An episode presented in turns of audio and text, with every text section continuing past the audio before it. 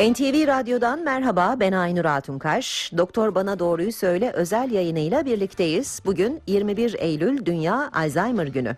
Çağımızın en önemli hastalıklarından biri olan Alzheimer'ı daha iyi anlamak için bir uzmanla konuşacağız. Üsküdar Üniversitesi Nöroloji Anabilim Dalı öğretim üyesi Profesör Doktor Sultan Tarlacı konuğumuz. Sayın Tarlacı hoş geldiniz yayınımıza. Hoş bulduk, teşekkür ediyorum. Biz Alzheimer'ı kısaca ve basitçe bunama olarak biliyoruz ama aslında öyle mi? Alzheimer neden olur?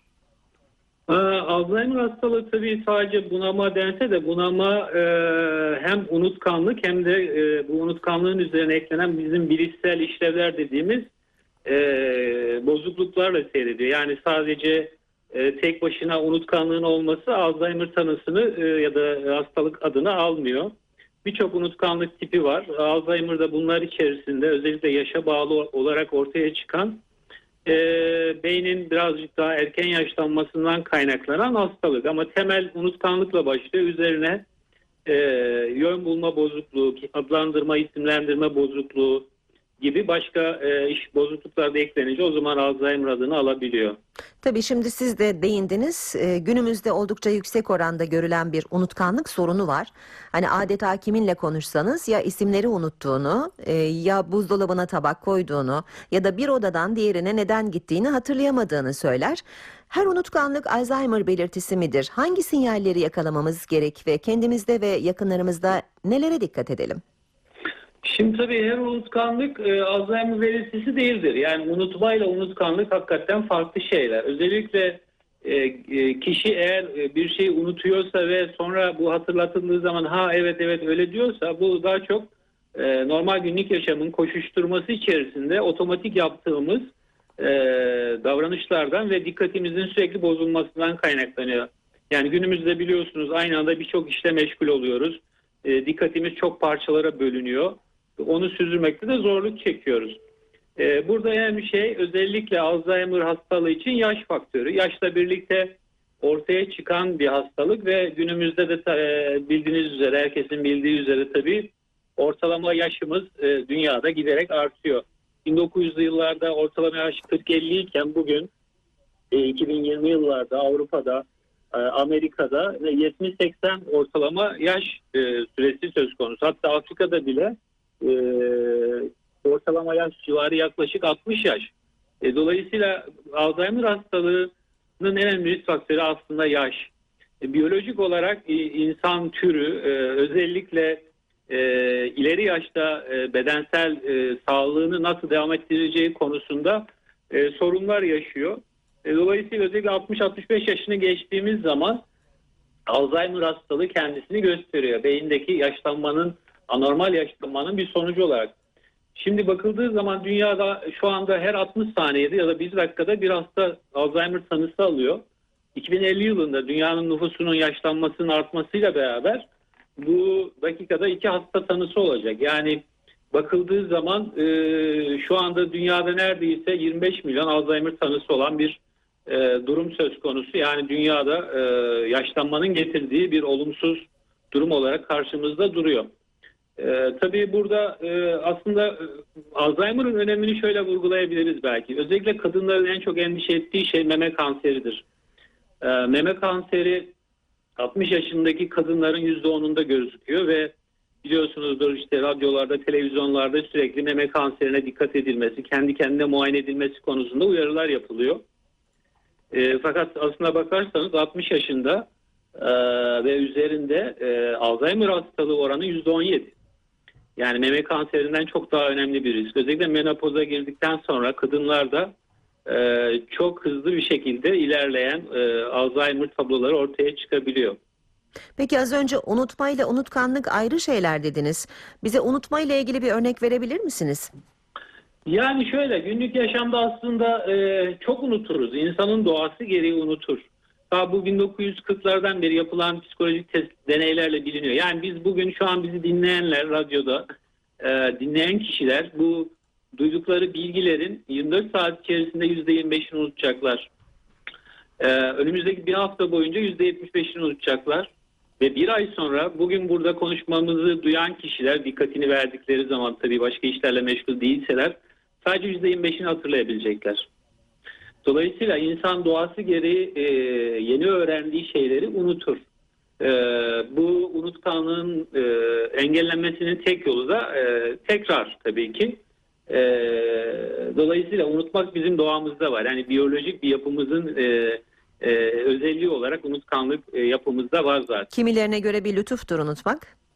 E, evet tabii ki unutmak e, doğamızın bir parçası. Yani acıları unutmak, aşk acılarını unutmak, yas acılarını unutmak e, olmazsa olmaz. Tabii ki melankolinin uzun sürmesi, ağır depresyonlara, aşk acılarının uzun sürmesi %10-20 oranında ağır majör depresyonlara neden olabiliyor. Sonuçta bunları unutmak gerekiyor. Travmaları unutmak gerekiyor. E, bu doğamızın bir parçası. Yani biz biyolojik olarak bir bilgisayar gibi e, dosyayı transfer ettik e, ve orada artık o dosya var olmuyor. Açtınca aynı bilgiyi bulamıyorsunuz. Biyolojik yapı gereği her öğrendiğimiz şeyi eskilerle bağlantılaştırırız, birleştiririz. Üzerine yeni bir anlam yükleyerek öğreniriz ve bu öğrenmenin beynimize kazınması için yani beynimizin plastiğine bunun etki edip şeklini değiştirmesi için de bir süreç gerekiyor. Zaman, tekrar ve süreç gerekiyor. Dolayısıyla o arada e, kayıplarımız oluyor doğası gereği. Peki örneğin bir gün e, eve gitmek üzere otobüse bindiğimizi varsayalım. E, çok farklı bir durakta inip evimizin yolunu bulamamak. Bu, bu mudur örneğin Alzheimer belirtisi? Böyle bir unutkanlıktan o- mı o- bahsediyoruz? O, onu söyleyemeyiz. O daha ileri aşamada olan bir unutkanlık şekli. Yani Alzheimer hastalığı başlangıç için bakıldığı zaman genelde bellek bozukluğu dediğimiz kısa süreli belleğin bozukluğuyla seyreder. Yani e, yeni öğrenilen şeyleri tekrar tekrar sorarlar. Konuşursunuz. Bir soru sorar. O soruya cevap verirsiniz. 15-20 dakika sonra ya da o gün içinde tekrarla aynı şeyi size sorar. Ya da bir şey anlatır size. Bir öykü, bir hikaye, bir yaşanmışlık. Ee, aynı gün içinde bunu tekrar tekrar anlatır. Sanki hiç anlatmamış gibi. Ve bu başlangıç belirtisi. Yani e, belleğin e, bozukluğunu, kısa süreli belleğin bozukluğunu gösteren bir durum. Fakat e, de- değişik aşamalar var. 5 yıl, 10 yıl ve e, 15 yıl sonra ortaya çıkan. Daha sonraki zamanlarda e, planlama ve problem çözmede beceriksizlikler ortaya çıkabiliyor. Yani bir olayı planlama, ardışıklığını ayarlama. Yemek yapma mesela. Yemek yapma aslında planlamadır. Ardışık olarak neyi koyacağınızı, ne kadar süre pişireceğinizi, e, ne kıvama getireceğinizi planlarsınız. E, orada problemlerle e, karşılaşınca çözmeye beceriniz de planlamanın bir parçasıdır. Daha sonra buna yer, zaman, mekan karıştırması, yıllar içerisinde kelime bulmada, konuşurken isimlendirmede güç, güçlük, sonra basit nesneleri kullanmada bozukluk, e, muhakeme muhakemede zayıflama gibi e, durumlar bunun üzerine eklenir. Aslında bu bahsettiğimiz planlama, problem çözme, mekan karıştırma, zaman karıştırma, yüz tanıma bozukluğu, kelime bulma bozukluğu bunlar bilişsel dediğimiz bozukluklar yani hafızanın üzerine eklenmiş. Bunlar varsa Alzheimer diyebiliyoruz. Tabii bu sürece gelmeden önce de e, tıbbın bütün imkanlarından yararlanmak ve bu duruma ulaşmamak ve bunu ötelemek için de bazı tedbirler almak gerekir diye düşünüyorum. E, bu tedbirleri de soracağım size birazdan ama e, sebeplerine tekrar bir değinmek isterim. Az önce en önemli risk faktörü yaşlanma dediniz. E, merak edilen bir konu genetik midir? Ve bir diğer konu da e, Alzheimer'a yakalanma yaşının düştüğü. Yani neden böyle? Teknoloji mi, hava kirliliği mi, sağlıksız yaşam mı ya da bunların tamamı mı? Şöyle cevap, bu tabii çok boyutlu bir e, yanıt gerektirir ama şöyle söyleyebilirim. Aslında insan biyolojisi evrimsel olarak bakıldığı zaman e, 50 yaşlarında e, hem erkekler ve kadınlar açısından yaşlanma sürecine giriyor. Çünkü biyolojinin istediği üreme, özellikle kadınlardaki menopoz yaşının 48-50 olması yani üremenin bitmesi ve arkasından da e, hızlı bir yaşlanma ya da unutkanlık sürecinin başlanması aslında biyolojik olarak bizim bonus uzun yaşamlar kullandığımızı gösteriyor. Yani evrim sahnesine bakıldığı zaman bundan 100 bin yıl önce e, ortalama ömürler 20-25 yıl. 40 yaşını bulan çok az insan var. İskeletlerden ve fosillerden anlaşılan. Dolayısıyla biz teknolojinin, e, ekonominin, tıbbın getirdiği imkanlarla uzun yaşamayı becerdik. Bu uzun yaşama biyolojimize uygun düşmüyor. E, dolayısıyla yaşlanan nüfus arttıkça e, bu yaşlılığa bağlı hastalık e, ya- ya- hastalıklarda artış oluyor. Hem kalp damar hem kanserler hem de Alzheimer hastalığı. Dolayısıyla burada yani daha genç nüfus Alzheimer oluyor diyemeyiz. E, çünkü istatistiklere bakıldığı zaman bu dediğim e, hastalık şartlarını yani tanı şartlarını karşılayan özellikler genelde e, 65 yaşın üzerinde belli bir oranda çıkıyor. Bunu kadın erkeklerde değişiyor ama mesela 65 yaşında erkeklerin e, %10'u kadınların %17'sinde bu tanıyı alabiliyorlar. Hani bu 50 yaşında e, olmuyor ya da 45 yaşında olmuyor. Ha şöyle bir durum var. Genler söz konusu. Bazı genler var. 4 tane gen biliniyor bugüne kadar ama tek bir baskın gen söz konusu değil. Yani anneniz babanızda Alzheimer varsa siz mutlaka Alzheimer olacak değilsiniz. Fakat bu genleri her yerde Türkiye'de bakabiliyoruz. Bakılıyor. Bu genlerinizin olması mutlaka Alzheimer olacağınız anlamına gelmiyor. Fakat şu anlama geliyor. Alzheimer olma olasılığınız yüksek. Bu genlerden bir ya da birkaçı sizde pozitifse, varsa o zaman %90 oranında Alzheimer olma olasılığınız var. Ama tabii bunun yaşını hiç kimse söyleyemez. 65 yaşında da olabilirsiniz, 95'te de, 105'te de. Dolayısıyla burada tedbirlere yani ortaya çıkmadan önce koruyucu hekimlik ilkelerine uymak gerekiyor. Ee, bu genler yoksa sizde garantili olarak ben Alzheimer olmam diyemezsiniz. O zaman %10 olasılıkla Alzheimer olma olasılığınız var. O zaman da yine tedbir almak e, ve e, hastalığın ortaya çıkmasını engellemek için uygun şekilde yaşamak, e, beden fizyolojisine uymak e, iyi olur diye düşünüyorum. Hep altını çiziyorsunuz tedbirlerin. O zaman soralım nedir önleyici tedbirler Alzheimer'a? Şimdi şöyle bir durum söz konusu. Bizim Türkiye'de genelde gördüğümüz özellikle 60 yaşların üzerindeki e, erkek ve kadınlar, özellikle ev kadınlarımız maalesef e, günlük yaşamda çok e, ev kadınlığı tabii zor iş ama belli bir durumdan sonra monotonluk içerdiği için beyin de yenilikle varlığını sürdürüp canlı ve parlak olduğu için özellikle e, kendilerine zihinsel ve fiziksel yatırım yapmadıkları için çok hızlı bir şekilde yıkım ortaya çıkıyor. Unutkanlıkları çok hızlı ilerliyor bizim 65 yaşındaki sonraki kadınlarımızın. Özellikle 50 yaşlarında menopozda varsa hormon eksikliğiyle beraber, östrojen eksikliğiyle beraber çok hızlı ilerliyor. Ee, bu nedenle e, koruyucu faktör olarak şöyle söyleyebilirim. Yani bilinen ve kesin olan şeyler var. Bunlardan bir tanesi eğitim düzeyinin yüksekliği. Yani ne kadar yüksek eğitiminiz varsa, ne kadar uzun eğitim süresine tabi kalmışsanız unutkanlığınız ya da Alzheimer'ın ortaya çıkması o kadar geç yaş ve o kadar az şekilde sizi etkiler. Yani geç çıkar, az etkiler. Ha, Alzheimer olmaz mısınız? Olursunuz fakat bunun size etkisi zayıf olur. Bilişsel sermayeniz, eğitiminiz yüksek olduğu için, bir- biriktirdikleriniz yüksek olduğu için kayıplarınız göze batmaz. Onun dışında özellikle eee bazı basit şeyler var. Mesela literatürde gösterilmiş özellikle diş sağlığı, diş eti iltihapları da Alzheimer'ın ortaya çıkmasını kolaylaştırıyor. Onun için ağız ve diş sağlığına önem vermek gerekiyor mutlaka.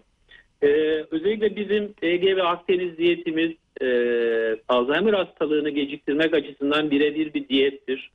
Ee, özellikle içerdiği omega 3'ler ve e, yeşil sebzeler, sebzeler e, açısından, meyveler açısından Alzheimer hastalığının geliş, ge- geciktirmesi açısından iyi bir beslenme şeklidir. Ee, tabii bu beslenme şeklini kalp damar sağlığını e, koruyarak beynin daha iyi kanlanmasını sağlayarak yapıyor. Ama omega 3'lerin ve deniz ürünlerinin özellikle beyin sağlığı üzerine, beyin e, elastikiyeti üzerine çok iyi bir etkisi var. Yine e, şunu söyleyebilirim. Özellikle yaşlandıkça doğal olarak kabul edersiniz arkadaşlar vefat eder, arkadaşlar azalır, sosyal yalnızlık oluşur. Yaşlı olarak bir kenarda bırakılır kişi ya da kalmayı tercih eder.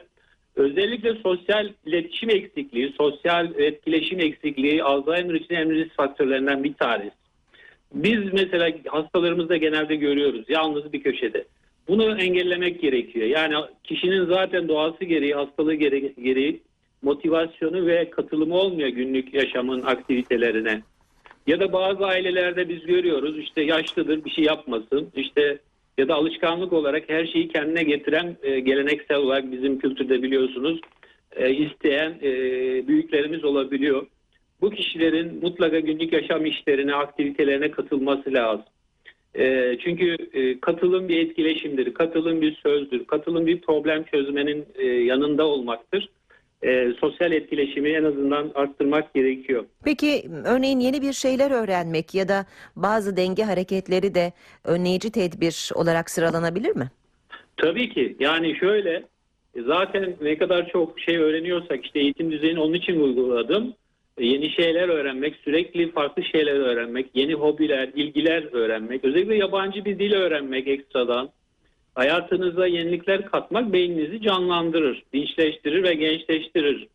E, Dolayısıyla öğrenilen her yeni hobi ve ilgi aslında e, beyin sağlığı açısından pozitif etki yapar. Maalesef bizim e, toplumda bu yani diğer toplumlarda ama bizim gözlemimiz genelde bizim Türk toplumunda e, 65 yaşından sonra çok ciddi bir sosyal çekilme, ilgisizlik ve e, meşgaliyet eksikliği ortaya çıkıyor. Yani yalnız kalıyorlar ama kendi başınalığı da beceremeyen bir e, durum söz konusu. Evet. Yalnız kaldığınız zaman kendi başına- başınalığınızı sürdürmeniz hobiyle i- ve diğer şeylerle olabiliyor. Onun dışında dans etmeyi öğrenmek ya da dans etmek, oyun oynamak, e, müzikle uğraşmak, e, bütün bunlar e, Alzheimer hastalığına hem varken hem de başlangıç aşamasında koruyucu olarak iyi geliyor. Yine egzersiz, aerobik egzersiz. Mesela yürüdüğünüz zaman sadece ayaklarınıza kan akımı artmıyor. %5-7 oranında beyninize de kan akımı artıyor. Özellikle şakak bölgesi dediğimiz hafıza bellek bölgesine. Dolayısıyla tek başına bile e, bu tür e, saydığım şeyleri bir araya getirdiğimiz zaman e, bunlar Alzheimer olmamızın önüne geçebilir diye e, ya da olasılığını azaltabilir diye düşünüyorum ve şeyde bilimsel bilgiler de bu yönde. Şimdi Alzheimer hastalarının alışkanlıkları, yaşam konforları da önemli. Dünyada bazı çalışmalar var. Örneğin Hollanda'da köyler var. Süpermarketlerin personeli bile eğitimli. Ee, Japonya'da pilot kentler var. Özel kafe ve açık evler yapılmış. Kent halkı gönüllü olarak çalışıyor. Hatta onlara portakal yelekliler denmiş. Çünkü turuncu renkli yelekler giyiyorlar. Alzheimer hastaları onları çabuk tanısınlar diye. Sizin bildiğiniz dünyada ve Türkiye'de benzer çalışmalar var mı ve bunlar neden önemli? Şimdi burada tabii önemli şeylerden bir tanesi demin saydığım koruyucu faktörleri düşünürsek bunlar açısından hem e, sağlıklı yaşlanma açısından hükümetlerin ya da politikacıların hem de belediyelerin tedbirler e, ya da e, yöntemler geliştirmesi lazım. E, özellikle pandemiden önce birçok belediyenin yaşlı günlük evleri vardı. Yani yaşta unutkanlı olanlar ya da diğer meş- kimsesi olmayan ya da sosyal etkileşimi az olanlar oraya gidip hobiler, ilgiler, sosyal etkileşim, sohbet, muhabbet e, yapıp e, en azından beyinlerini parlatıyorlardı. E, bunu çok düşük görmemek lazım. Basit bir dedikodu bile, basit bir muhabbet bile, e, havadan sudan konuşmak bile, insanların yüzünü görmek bile aslında bizim beynimize iyi geliyor. E, bu tür e, yaşlıların bir araya geleceği e, ortamların özellikle gün içerisinde ayarlanması ve tekrar aktive olması gerekiyor şu dönemde. Pandemide birçoğu kapanmıştı. Buna bağlı olarak da e, eve kapanan yaşlarımız çok görünmüyor ama aslında ciddi yıkımlara maruz kaldı. Hı hı. En önemli şey yani e, tabii ki bu yardım. Türk, tabii yurt dışındaki yaşlıyla Türkiye'deki yaşlıyı karşılaştırmak biraz zor. Çünkü Hollanda, İngiltere'deki gibi yerlerde yani İngiltere'de mesela Yalnızlık Bakanlığı kuruldu Japonya'daki gibi. Çünkü özellikle yaşlılar yalnız ve tek başına. Çünkü Türkiye'de geleneksel yapı dolayısıyla biz büyüklerimizi ararız, sorarız, aynı evde yaşarız, onları yanımıza alabiliyoruz. Hani o geleneksel yapımız hala devam ediyor. Ama yurt dışında e, bu pek mümkün değil Evet. Almanya, İngiltere'de. Evet. Yani burada önemli olan şey bizim açımızdan bakıldığı zaman toplumsal olarak bir yaşlılarımıza günlük e, tek başına evde bütün günü geçirmeyi engellemek, sosyal aktivitelere e, onları katmak. E, bunu tabii kişilerin kendi başına yapmaları ya da ailelerin yapması zor. Bunun hükümet stratejisi, belediyelerin e, ya da valiliklerin bu konu üzerinde çalışıp strateji belirlemeleri gerekiyor. Peki. Ee, dolayısıyla böyle bir şey düşünülebilir. Ee, çünkü önemli şey benim gördüğüm bizim toplumda sosyal etkileşimin yaşlarımızda çok az olması ve buna bağlı olarak hızlı bir yıkıma doğru gitmeleri, unutkanlıklarının çok hızlı e, ve bağımlılıklarının çok hızlı artması.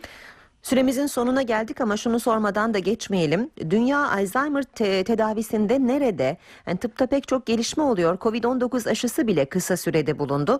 Alzheimer'a çare bulamadık mı? Alzheimer'a çare bulamadık açıkçası bunu itiraf etmek lazım. Çünkü e, 1901'de bu hastalık bilimsel olarak tanımlandı ve aradan geçen 100 yıldan fazla bir zamanda e, genelde bilim insanlarının söylediği şey şu yanlış ata oynuyoruz tedavide. Bu, bu bir bilimsel Lancet dergisinde yayınlanan bir başlık. E, maalesef yani e, bugüne kadar e, çok etkili hastalığın sürecini durduran bir ilaç söz konusu değil. kullandığımız ilaçlar biraz e, hastanın zihinsel kapasitesini dopingleyen bir ilaçlar. E, dolaylı yoldan etki eden ilaçlar. E, önümüzdeki süreç içerisinde dünya için tabii çok büyük bir sorun olduğu için e, birçok araştırmalar yapılıyor. E, ama buradaki esas problem anormal yaşlanma olduğu için burada bulunacak ilaç aslında anormal yaşlanmayı da durdurabilecek bir ilaç ya da yaşlanmayı da engelleyebilecek bir ilaç olacak bir ihtimalle ama henüz elimizde yok. Dolayısıyla e, geçen aylarda e, bulunan e, daha doğrusu FDA tarafından Amerikan Gıda ve İlaç, Da- e, İlaç Dairesi tarafından artık Covid nedeniyle herkes FDA'yı de biliyor. Evet. Mesela anti amiloid damar içi verilen bir ilaç söz konusu. Yani beyinde yaşlılığa Alzheimer'da biriken bazı e, atıklar var sinir hücrelerinin içinde ve çevresinde. Onları e, antikor dediğimiz e, savaşçı silahlarla yok edip parçalama şeklinde kullanılan bir ilaç. Ama e, bu da tabii ki %100 başarılı değil. Bazı olumsuz yan etkileri de söz konusu ve e, fiyatı da çok yüksek. E, dolayısıyla yani şu an açıkçası e, tedavi iyi de kür yapamadığımız bir hastalık ve önüne geçemediğimiz bir süreç söz konusu.